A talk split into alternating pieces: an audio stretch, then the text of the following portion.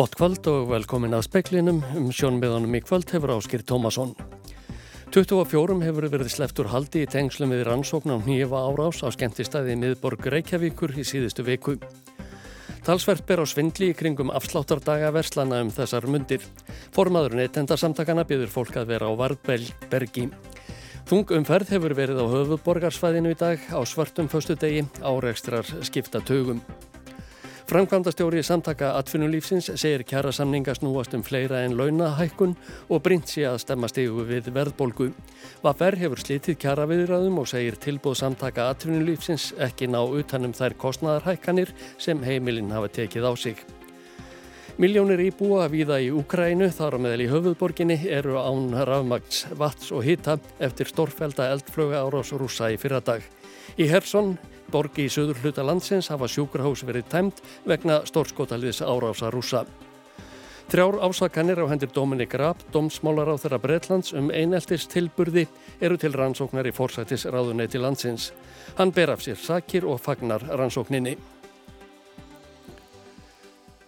24 hefur verið sleftur haldi í tengslum við rannsóknam nýjeva ára á sinni á bankastræti, bankastræti klöpp í síðustu viku. Þá hafa þrýr verið handteknir eftir að hafa kastað bensín og reik sprengjum inn í heimahús. Rannsókninni á bankastrætinu er bara vel. Við erum búin að losa, já það eru til 6 en þá í gæslu hjá okkur, þannig að við erum búin að losa það með eina 24 einstaklinga segir Margir Sveinsson aðstóðar yfir lauruglu þjótt. Fjórum var sleppt úr haldi í dag, áður en gæsluvarhaldsúrskurður yfir þeim rann úr gildi. Margir segir að ljúst sé hver þáttur hvers og eins hafi verið og því hafi ekki verið ástæða til þess að halda þeim lengur. En þetta eru hátt í 30 einstaklingar. Er þá bróðurparturinn laus allra mála eða? Nei, nei, nei, nei, nei. Það, það er ekki, það er alls ekki svo sko. Það er allan ekki þörfa á eða ástæða til þess að vera að halda þeim þessum öðrum hérna inni lengur. Þau hafi öll réttarstöðu sagbortnings og nú sé unnið að því að vinna úr helstu gögnum, símagögnum og öðru. Þá hafa þrýr verið handteknir vegna grunnsum að hafa staðið að baki hemdarárásum með því að kasta bensín og reiksprengjum inn á heimili aðstandenda sagbortninga í málinu undanfarnar nætur. Margir segir að ekkert slíkt hafi gerst í nótt. Er eitthvað útlætt fyrir að sé eitthvað farið að róast á milli þessar rópa? Já, við skulum vona það að það menn fari nú að þess að sjá að sér og fætta þessari vikleysu og, hérna, og þetta fari nú að aðeins að róast í kringum þetta. Þetta er, þetta er búin að vera alveg, alveg ágætt, held ég. Þetta var Marger Sveinsson, Sunna Karin Sigurþórsdóttir talaði við hann. Breki Karlsson, formadur neytendarsamtakana, byður neytendur að vera á Varðbergi þar sem talsvert beri á afsláttarsvendli þetta árið. Samtökin og verðlags eftirlit AST hafa fengið nokkur fjölda tilkynninga um slikt. Verslanir hafi hækkað verð í aðdraganda tilbúðana og, og til þess að geta lækkaða niður aftur og, og ég, þá ég það sama og það var áður en að tilbúðin voru og það er náttúrulega alvarlegt og, og stemst ekki, ekki lög og við byrjum neytendur um að vera bara á varðbergi. Tugir áreikstra hafa orðið á höfuborgarsvæðinu í dag og umferðin óvinjuð þung. Sérstaklega við stórar verslanir sem hafa auglýst afslætti á svokölluðum svörtum föstu degi. Árni Friðleifsson varðstjóri segir daginn einnig svartan í umferðinni. Þannig að það eru margir á, á ferðinni í kringum eins og stóru verslunarmiðstöðar og verslunarkverfi og, og hérna, þar að leiðan erum við að fá bara þó nokkuð mikið á óhafum. Þetta sagði Árni Fríðlefsson, Hafdís Helga Helgadóttir tók saman. Um 60% heimila í Kíef eða kennugarði höfuðborg Úkrænu eru enn án rafmagns, vats og hita eftir eldfluga árásir rúsa í fyrradag. Miljónir annara íbúa landsins búa við sömu aðstæður á meðan unnið er við að viðgerðum á raf og vatsveitu kerfum. Rússar skutu um 70 eldflögum á markvíslega skotmörki í Úkrænu á miðvöggudaginn, orkuverð tengivirki, raforkukerfisins og önnur mannverki.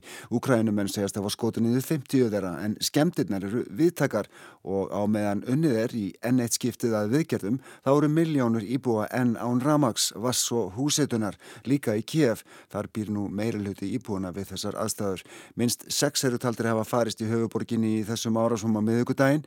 Í Hersson borginni sem Úkrænumenn endur heimtu nýlega nýlega hafa sjúklinga verið fluttref sjúkurásum í dag. Þeir eru í hættu vegna stórskótaliðs árasa rúsa sem hörfuðu yfir Dnipróána og skjóta nú þaðan. Við mægum að breyti svo zimu. Zimu, jaku húsi budut zgaduvat. Við verðum að lifa þennan vetur af, veturinn sem allir munu minnast, sagði Vorotomi Selenski við hóp Evróskra leittóa á fundi í Vilnius í Litáin í dag. Um svipaleiti byrtu rúsneski fjölmilar upptöku af Vladimir Putin rúslandsfósita þar sem hann satt með nokkrum maðurum Hermanna sem sendur hafa verið til Úkrænu og sumir fallið þar. Я лично, все руководство страны, мы разделяем эту боль.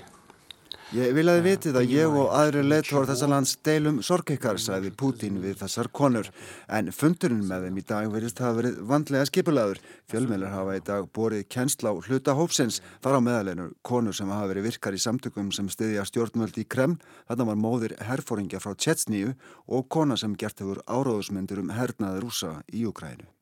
Björn Malmqvist sagði frá. Yfirvöldi Hersson greindu frá því undir kvöld að 15 hefðu fallið í árásum rúsa á borgina í dag. Að minnstakosti fjögur létust og 11 særðust í skotárásum á tvo skóla í borginni Aracruz í suðaustur hluta Brasilíu í dag. Haftir eftir borgarstjóranum að vopnaður maður og hópur glæpamanna hafi ráðist inn í skólana í morgun og skotiði til bana þrjá kennara og unglingsstúlku. Gleipir af þessu tægi eru sagðir fátíðir í Brasilíu. Alvarlegasta árásin til þessa var gerð árið 2011 þegar 12 skólabörn voru skotin til bana. Haldur Benjamin Þorbergsson, framkvæmdastjóri samtaka atvinnulífsins, segir að góður gangur hafi verið í viðræðum við Vaffer. Þrótt fyrir að Vaffer hafi stöðvað sagt viðræðurnar árangurslausar og slítið þeim, muni Vaffer og samtök atvinnulífsins hittast á fundi hjá ríkisáttasemjara á þriðudag. Við vorum búin að sitja hérna frá því snemma morguns, háum daginn hjá fórstættisráðara. Ég held að verið á 11. tímanum í gerðkvöld sem að ja, Vaffer og formaða Vaffer lýsir yfir árangurslausum viðræðum. Ég kýsins verið að líta á þetta með þeim hætti að það eru nú ekki árangurslausar en svo að við höfum ákveðið hittast aftur á þriðudag og vettvangi ríkisáttusemjara. Sko nú segir Vaffer að ykkur í samtökum aðtöluleysins hafa ekkert verið nýka hvað var það launaliðin og það hafi komið óvart þetta. Nú sé við fara að tala um skamtema kjærasamning 14 mánuðir mm og þið hef ekki getað hækkað ykkur um eina krónu hverju svarar því? Við reynum nú að setja hvorki afarkostinni skilir í þeim samtalum sem við eigum við viðsemendur okkar. Við hlustum, við bregðumst við því sem við heyrum yfir samlingaborðið og það á eins við varðandi vaffer, það hefur á líka við varðandi starfsgrunnarsambandinu, yðnaðamenn og landsambandískara vestlurumanna. Þannig að ég myndi nú lýsa þessari framöndu með öðrum hætti.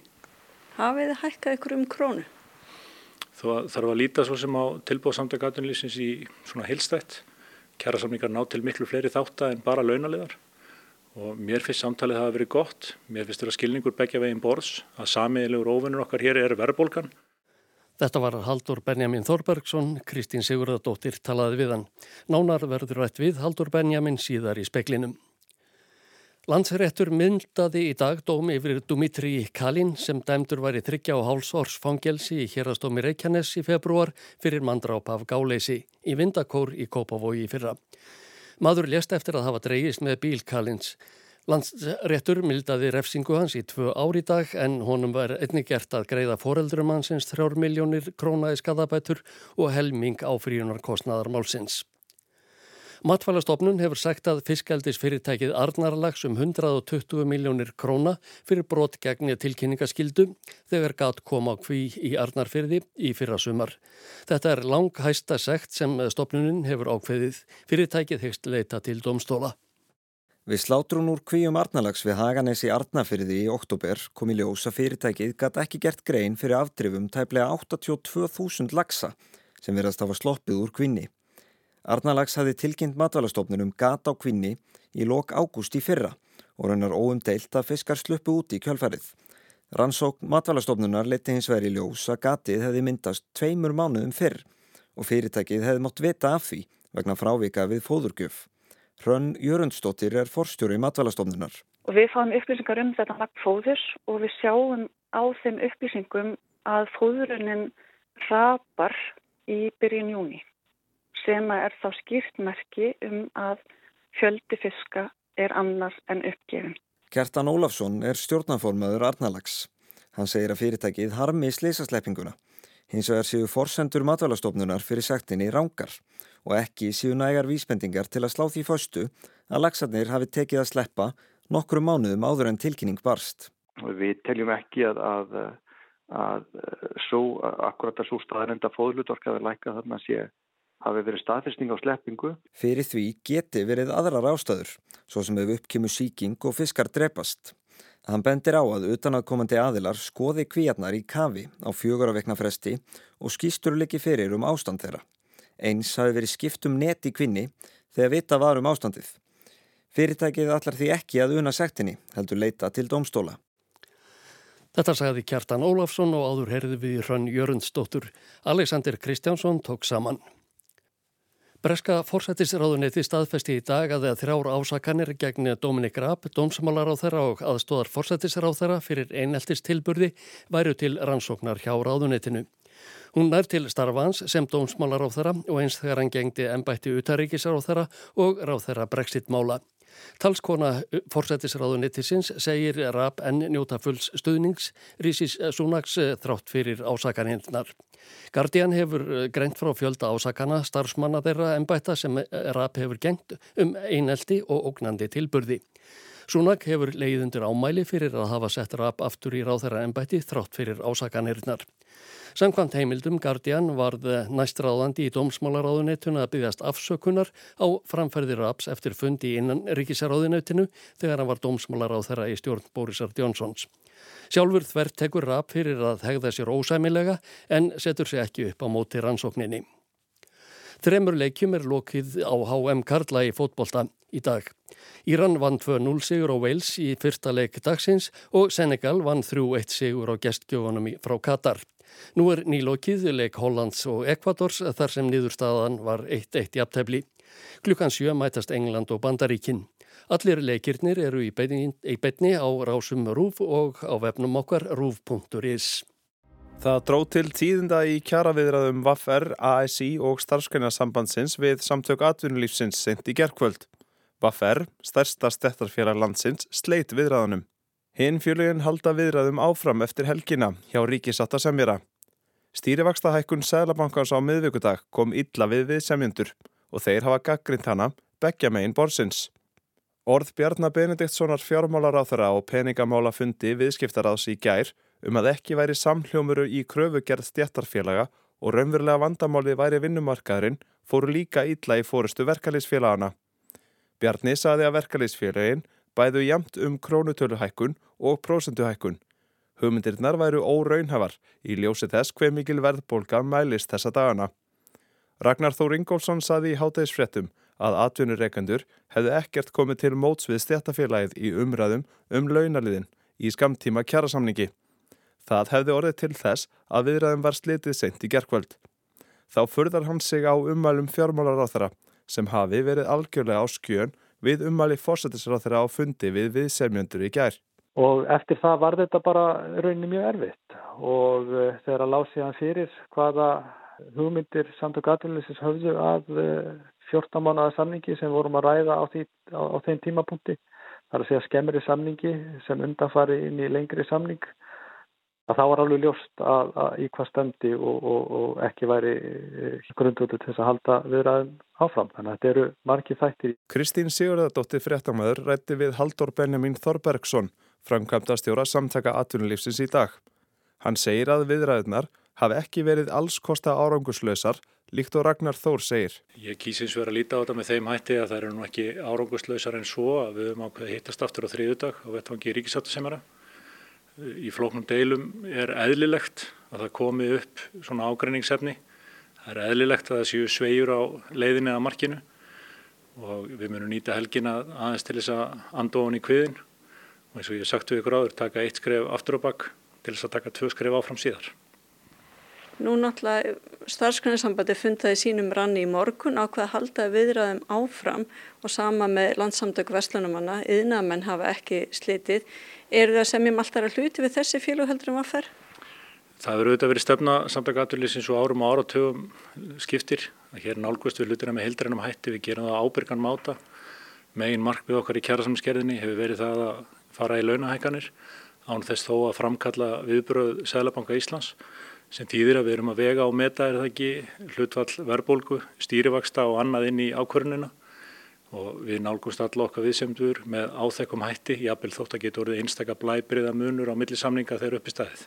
Sko nú segir Vaffer að ykkur í samtökum aðtöluðsins hafa ekkert verið nýka hvað var það launaliðin og það hafi komið óvart þetta, nú sé við fara að tala um skamtíma kjæra samning 14 mánuðir mm. og þið hafi ekki getað hækkað ykkur um eina krónu hverju svarar því? Við reynum nú að setja korki afarkostin í skilir í þeim samtalum sem við eigum við viðsemendur okkar. Við hlustum, við bregðumst við því sem við heyrum yfir samningaborðið og það á eins við varðandi vaffer, það hefur á líka við varðandi starfsgrunarsambandinu, yðnaðamenn og landsambandinsskara vestlurumanna. Þannig að ég myndi nú lýsa þessari framöndu með öðrum hætti, en eins og ég segi, ég held að sé ágætt að allir andi við nefn yfir helgina. Það er annar fundur búðar og þriðudag og við mætum auðvitað til þess fundar með það markmið að ná kjærasamningi og skapa frið í samfélaginu í aðdraðanda jóla sem að ég held að sé það sem fólki í landinu vil hafið þið hækkað ykkur um krónu? Þó þarf að líta svo sem á tilbúð samtakatunlýsins í svona heilstætt. Kjærasamningar ná til miklu fleiri þátta en bara launaliðar og mér finnst samtalið það að verið gott. Mér finnst þetta skilningur begja veginn borðs að samiðilegur ofunur okkar hér er verðbólgan. Það er hagur heimila og fyrirtækja í landinu að ná verðbólgu niður og allar okkar tilraunir, öll okkar tilbúð, allar okkar umleitanir taka með að því að ná því markmiði. Tilur líkur á að að þið náið ekki vaffir aftur á samningaborðinu það verður bara hér vaffir fari í verkvöld og svo leiðis? Ég held að sé ofsnemt að tjásu um það á þessum tíamóndi. Það sem ég veit hins vegar er þetta. Óvisa er ekki bara eitur í beinum atvinnureikanda, óvisa er líka mjög slæm fyrir heimilin í landinu. Eh, Vaffer er stærsta stjættafélag landsins með fjölbrettan hóp félagsmanna undir. Mitt nef segir mér að við séum flest og skup líki grunn það nálgast jólaháttíðina, við viljum fá svona vissu hvað er framöndan og kjærasamningar eru eitt þáttur í því. Þannig að ég ætla að leiða mér að vera hóflega bjart sín en á sama tíma raunsæðir á, á stöðuna hverju sinni. Sagði Haldur Benjamin Þorbergsson í viðtalið við Kristjúnu Sigurðardóttur, Bjarni Rúnarsson tók saman.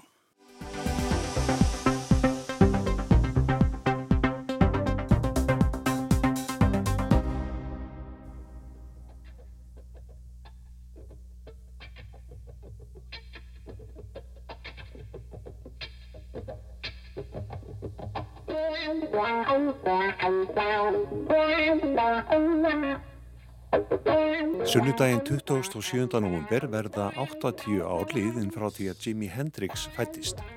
Hendrix, sem margir telja, hefði verið besti og áhrifamesti gítarleikari roxins. Hendrix stó ungur aðeins 27 ára í september 1970. Fræðarferill Hendrix stóð aðeins yfir í fjögur ár frá hausmánuðum 1966 til dauðadags í sumars 1970. En þetta voru árin sem rocktónlistin breyttist, í raun byltist. Jimi Hendrix var bandarækjamaður frá Seattle í Washington ríki. Frá 1962 til 65-66 leik hann á gítar í hljómsveitum þekktra rock- og sálarsöngvara. En 1966 flutti hann til New York borgar og fristaði gæfunar þar með eigin hljómsveit. Þetta var hark, en tækifæri kom þegar Linda Keith þáverandi unnusta Keith Richards í Rolling Stones sá hann spila og hnifti í ungan umbóðsmann frá Breitlandi, Chas Chandler sem þá var nýhættur að spila á bassan í The Animals. Chandler hreifst mjög að flutningi Hendrix á læginu Hey Joe og tók hann með sér til London. Hey Joe, where you going with that gun in your Það er eiginlega þeir sem að búa til leið Hendrix inn í bransan á sínum eigin fósendum og það er þessi Charles Chandler sem að læta hann stitta nafni sitt úr James í Jimmy. Og fer með hann til Breitlands setur saman band þar, fær Noah Redding sem er gítarleikari til að spila bassa með honum. Og Mitch Mitchell sem er jazztrómuleikari til að fara að spila rock. Og úr þessu verður þetta svona kraftmikla tríó. Hendrix uh, sér Pete Townsend sér að hann er að nota allan að græjur hann er að nota feedback úr hálfdurunum, hann er með vá á petala og hann horfið líka á Erik Klafton sem er að leika sem er váapetalan Fuzzbox, svona ímsa svona græður til að búið til skrítin hljóð. Og svo fer hann bara að spinna eins og að sé djassari sem að var ekki mikið gert á þessu tíma í rockinu. Reynda voru kríma að gera eitthvað seipað en hann eiginlega á stóra þátt í því að opna rockið eða poppið úr þessu þryggja hljóma tekju hálsmínutna löngu lögum yfir að verða bara sko 20-30 minna lög bara eftir hvað gítasólaðan voru lungi eða hvað trómusólaðan voru langt eða hvað menn voru bara að lifa sér að gera.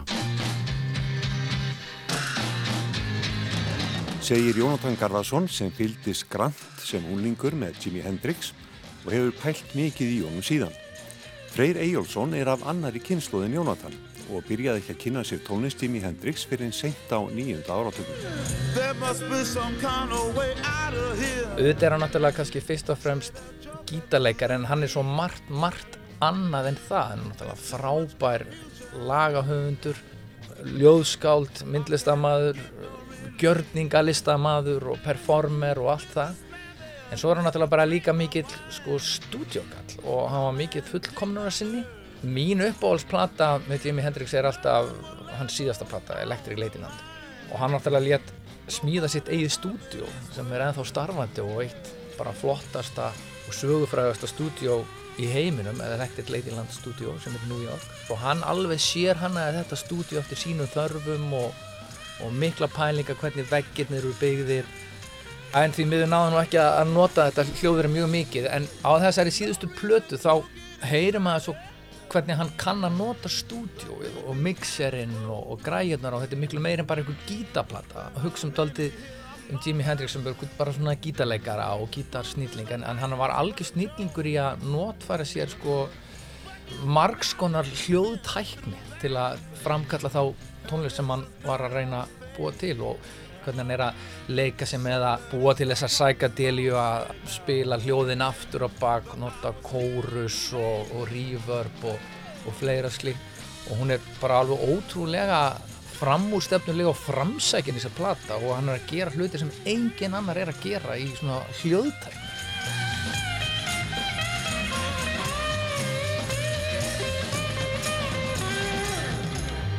Björn Tórótsen, gítarleikari, var ekki nema 10 ára árið 1968 þegar hann heyrði fyrst í Hendrix flytja lægið Hey Joe og varð fyrir hugljómun. Hann segir að Hendrix og Erik Clapton hafi haft mest áhrif á hann í upphafi ferilsans.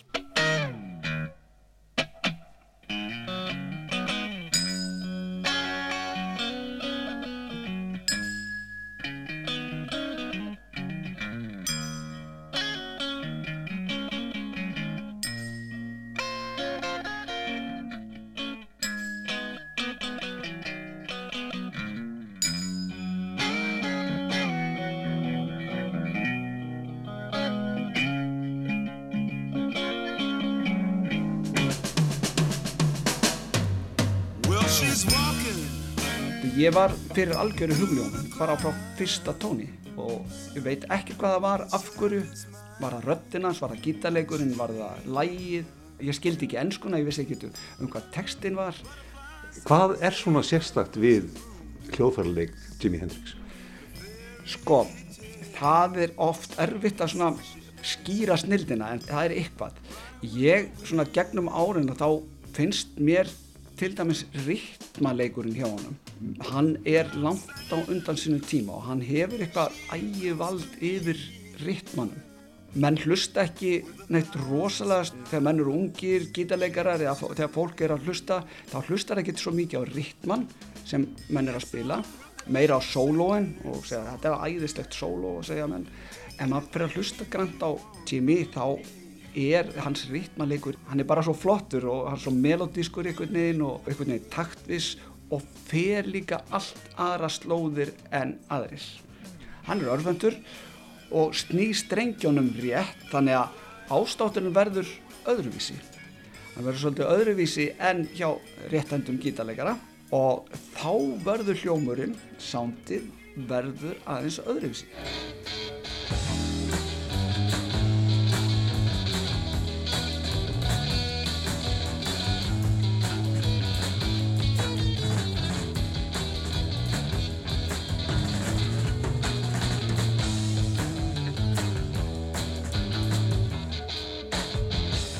En umfram allt bara hvernig hann tekur þetta unga hljóðfæri, ramaskítarinn og sýnir fram á möguleika þess. Og það, þetta byrtist kannski einna helst í einhverjum geggjaðasta gjörningi rocksuguna sem er flutningur hans á bandaríska þjóðsögnum á útstakáttiðinni þetta er eitthvað miklu meira en bara einhver tónlistaflutningur þetta er svona gjörningur. Þannig að tekur hann ramaskíturinn og stillir hann í botn og spila bandarska þjóðsöngin og þarna brýst fram ástand þjóðar. Öll sorgin, reyðin brjálaði kringu Vietnamstíð þú heyrir sprengjugnýð þú heyrir grátin þú heyrir öskrið þú heyrir örvandinguna allar þessar miklu vonir 68 kynslaðanar flower power eru daldi brostnar. Þessi áratugur er að enda og, og hryllingu strísins blasir við og þetta bygtist allt í þessari tónlist og þessum magnaða gjörningi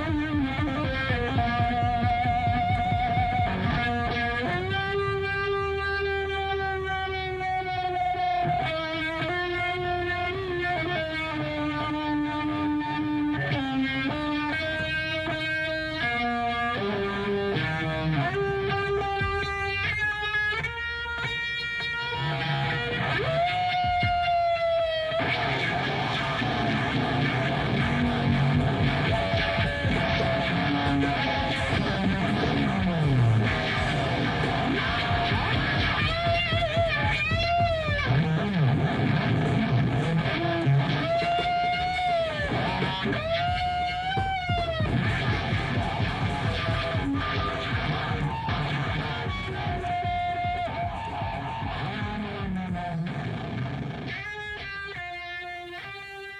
þennur Jimi Hendrix gítarin í Vigamóð á Woodstock 1969. Veðurhorfur á landinu til miðnættis annað, annað kvöld. Norðaustan 5-15 metrar á sekundu, kvassast norðvestan til. Bjart viðri á suður og vesturlandi en annars dáli til væta. Hiti 2-8 stig. Austan 10 til 18 í fyrramálið og fyrraði regna en hægari og úrkomi lítið um landið norðaustanvert. Dregur úr vindi þegar líður á daginn. Víða verður regning síði degis, sumstaðar talsvar úrkoma en stittur upp suðvestanlands. Og ef við lítum lengra fram í tíman eru horfur á norðurlagri átt og víða verð, að, að víða verður regning með köplum á sunnudag en skúrir eða jél á norðavarður landinu á mánudag. Dagana þar á eftir er útlitt fyrir suðlega átt. Það línar með vætusömi veðri en úrkomi lítið verður norðanlands. Og það var helst í speklinum í kvöld að 24 hefur verið sleppt úr haldi í tengslum við rannsókn á nýfa árás á skemmtistæði miðborg Reykjavíkur í síðustu viku. Talsvert ber á svindli í kringum afsláttardaga verslana um þessar mundir. Formaður neytendarsamtakana byður fólk að vera á Vardbergi. Miljónir íbúa víða í Úkrænu en þar á meðal í höfuðborginni Kænugarði eru enn án rafmagts, vats og hita eftir stórfelda eldflöga árás rúsa í fyrradag. Fleira er ekki í speklinum, teknimaður var Magnús Þorstein Magnússon, útsendingu stjórnaði valgerður Þorsteinsdóttir. Verðið sæl og góða helgi.